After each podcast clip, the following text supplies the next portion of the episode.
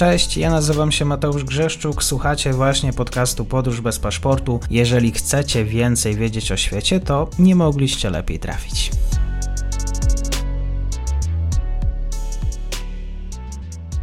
Dzień dobry Państwu, dzień dobry wszystkim słuchaczom. Dzisiaj moim gościem jest dr Piotr Andrzejewski z Polskiej Akademii Nauk oraz Instytut Zachodni. Kłaniam się, dzień dobry. Dzień dobry, dzień dobry Państwu. Komuniści w Austrii. Pod koniec kwietnia odbyły się wybory do Krajowego Parlamentu właśnie w Salzburgu. I dlaczego akurat te wybory są tak ważne, że są języczkiem uwagi, panie doktorze? Przede wszystkim te wybory są, e, zakończyły taki wiosenny maraton, czy, czy zimowo jest wiosenny maraton wyborczy, bo to były już trzecie wybory regionalne. E, wcześniej była e, Górna Austria, jeszcze do tego Karyntia. Także dzięki temu mamy wgląd w całkiem dobry wgląd w polityczny przekrój, w poparcie partii, zmiany poparcia i tego, co się dzieje na ogólnoaustriackiej scenie politycznej. No i właśnie wybory w Salzburgu, nie w mieście, ale właśnie w kraju związkowym, w całym landzie, były tymi ostatnimi z tego wyborczego maratonu. No i co one nam mówią? Co one nam mówią o austriackiej scenie politycznej? One potwierdzają kilka tendencji. Znowu mamy, e, znowu mamy zwycięstwo jednej z dużej partii, czyli w tym wypadku akurat partii ludowej, IVP. E, w innym przypadku, w innym przypadku to była jeszcze, jeszcze socjaldemokraci, SPÖ. Niemniej jednak to ich zwycięstwo to jest pyrrusowe zwycięstwo, bo w każdym z tych trzech landów wygrywali oni wynikiem o kilka punktów procentowych gorszym, czy nawet o kilkanaście punktów procentowych gorszym. W Salzburgu stracili 7 punktów procentowych, mają tylko 30. No to był relatywnie dobry wynik, ale biorąc pod uwagę, że mogli mieć historycznie powyżej 40%, no to słaby. Mamy ogromny wzrost e, wolnościowej partii Austrii, FPÖ, no jakby lustrzany wręcz, ponieważ jeżeli FVP spada o 7 punktów procentowych, to FVP o dokładnie 7 punktów procentowych rośnie stając się drugą najważniejszą partią w danym landzie, czy akurat w tym przypadku w Salzburgu mają 25%. No, socjaldemokraci z małym spadkiem, takim samym spadkiem są zieloni. I na tych zielonych bym się trochę skupił, ponieważ oni są, oni są odpowiedzią na y, niespodziewany przez nikogo y, sukces komunistycznej partii Austrii. Za zombie ożyło, wyszło z grobu y, i zaczyna straszyć. Tak? Bo takie była reakcja niektórych części mediów austriackich. E, na to, na to zwycięstwo. I co się stało? Jak to się stało, że komuniści, e, komuniści wracają? I co więcej, trzeba też powiedzieć, że w niektórych austriackich landach funkcjonuje taki system, który nazywa się proport system, który oznacza, że jakby koalicja rządząca jest z automatu wyznaczana przez prawo i muszą się znaleźć proporcjonalnie tam e, przedstawiciele, przedstawiciele partii, którzy, którzy są w lokalnym parlamencie, oczywiście o, o, o odpowiednim proporcji, tam dwóch czy trzech, e, czy po jednym, więc jeżeli komuniści zyskują 11,7%, to znaczy, że wchodzą do rządu lokalnego. Co mówi o tych wydarzeniach sam ustrój polityczny Austrii? To znaczy, jak to się stało, że rzeczywiście y, ci ludzie dochodzą do władzy, co mówi austriacka konstytucja? Znaczy, to nie, to nie jest tak jak w przypadku Polski, że komunizm e, jest zakazany.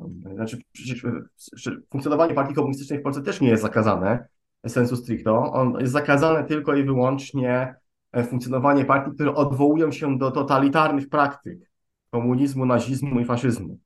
A Austria cały czas funkcjonuje w, na konstytucji, która w sumie nie zawiera takich. Ona jest takiej jeszcze sprzed, sprzed I wojny napisanej przez Hansa Kelsena, wybitnego wybitnego prawnika konstytucjonalistę. E, oni, e, oni nie, nie zakazują funkcjonowania komunistycznej partii Austrii. Co więcej, chciałbym powiedzieć, że to jest jedna z, chyba druga najstarsza komunistyczna partia na świecie, bo ona uformowała się 3 listopada 1918 roku, czyli funkcjonowała jeszcze w pierwszej Republice Austrii. E, I, polityczne znaczenie komunistów, polityczne znaczenie komunistów e, w zasadzie tylko w jednym momencie historycznym e, się przejawia, to jest dokładnie po zakończeniu II wojny światowej, kiedy komuniści przez chwilę współtworzą rząd i Oczywiście ta partia wtedy była całkowicie kontrolowana przez, przez Sowietów i to był plan Stalina, żeby poprzez y, y, wybory, no w tym, tak jak w Polsce nie udało się przeprowadzić wolnych, demokratycznych wyborów, tak w Austrii, która była w 80 paru procentach okupowana przez aliantów zachodnich, takie wybory przeprowadzić się udało. No i plan, plan stali Sowietów był taki, żeby uzyskać bardzo silną pozycję komunistycznej partii Austrii i, i, i po prostu tak wpływać na austriacką politykę i dokonać przejęcia władzy w ten sposób. No to się nie udało wtedy. Tam zdecydowanie, zdecydowane zwycięstwo E, odniosła socj socjaldemokraci pod przywództwem Karla Renera, który był ojcem zarówno pierwszej, jak i drugiej e, Republiki Austrii. No i z czasem, no to się, to, to się no, potem Austria ogłasza neutralność 10 lat później, w 1955 roku, a Komunistyczna Partia Austrii odchodzi w polityczny niebyt po prostu.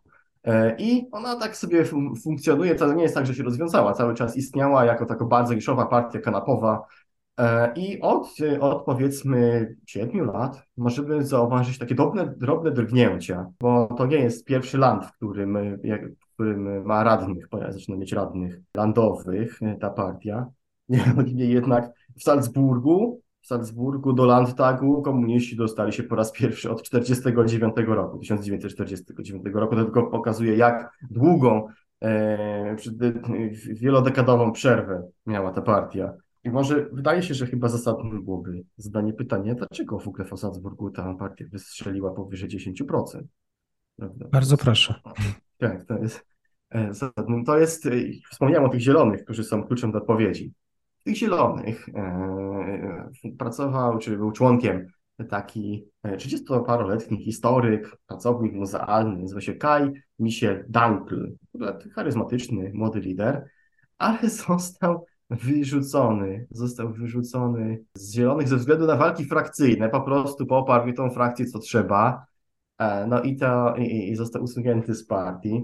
W ogóle ta partia jest bardzo podzielona w Austrii e, i ma kryzys przywództwa zdecydowanie inaczej niż, niż w Niemczech. E, no i okazuje się, że no, Zieloni stracili jednego z najbardziej obrotnych działaczy, ponieważ tenże Kai Michel Dankl z grupą około 50 współpracowników przyjaciół i znajomych, w sumie niewielką, przeprowadził bardzo dynamiczną kampanię w Salzburgu.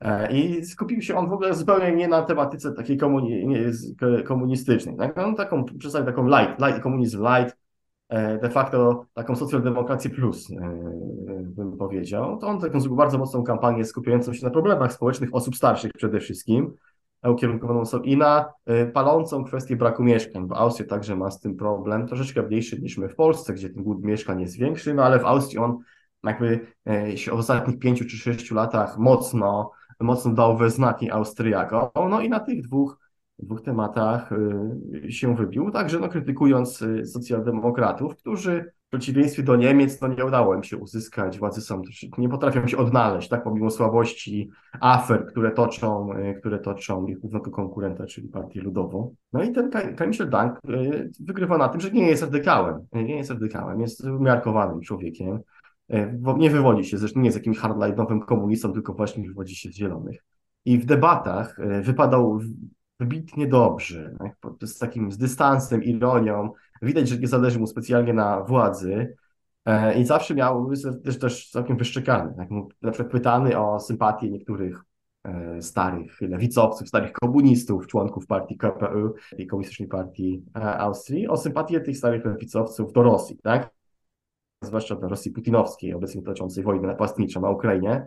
E, no, no, on, on, on odszczeknął, że no przecież w austriackim parlamencie, w Radzie, Radzie Narodowej, w grupie Raiffeisen jest ich więcej, zdecydowanie więcej niż w KPU. No i ma rację też, ma, ma w tym wypadku rację. Także jak widać, wystarczy 50 osób, dynamiczna kampania, słabość głównych graczy e, i żeby, żeby kanapowa partia mogła wrócić na scenę polityczną. No i teraz pozostaje tylko pytanie, czy ten sukces uda się utrzymać, tak? Czy to jest jednostkowy, jednostkowy sukces lokalnego lidera, bo na to, na to, na to wygląda.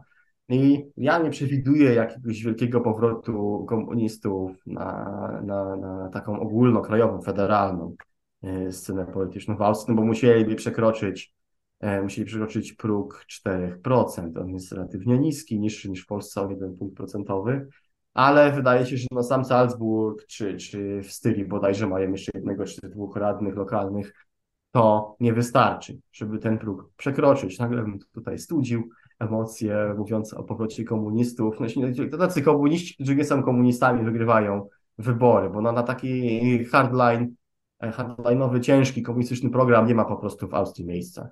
Czyli komuniści powstali z martwych, ale nie do końca. Tak wróży przyszłość dr Piotr Andrzejewski. Kłaniam się, dziękuję za dzisiejszy komentarz. Dziękuję bardzo. I to już koniec na dzisiaj. Zapraszam na profil podcastu Podróż bez paszportu na Facebooku, Instagramie i Twitterze. Zachęcam też do wsparcia mojej pracy na serwisie Patronite oraz Buy Coffee. Do usłyszenia.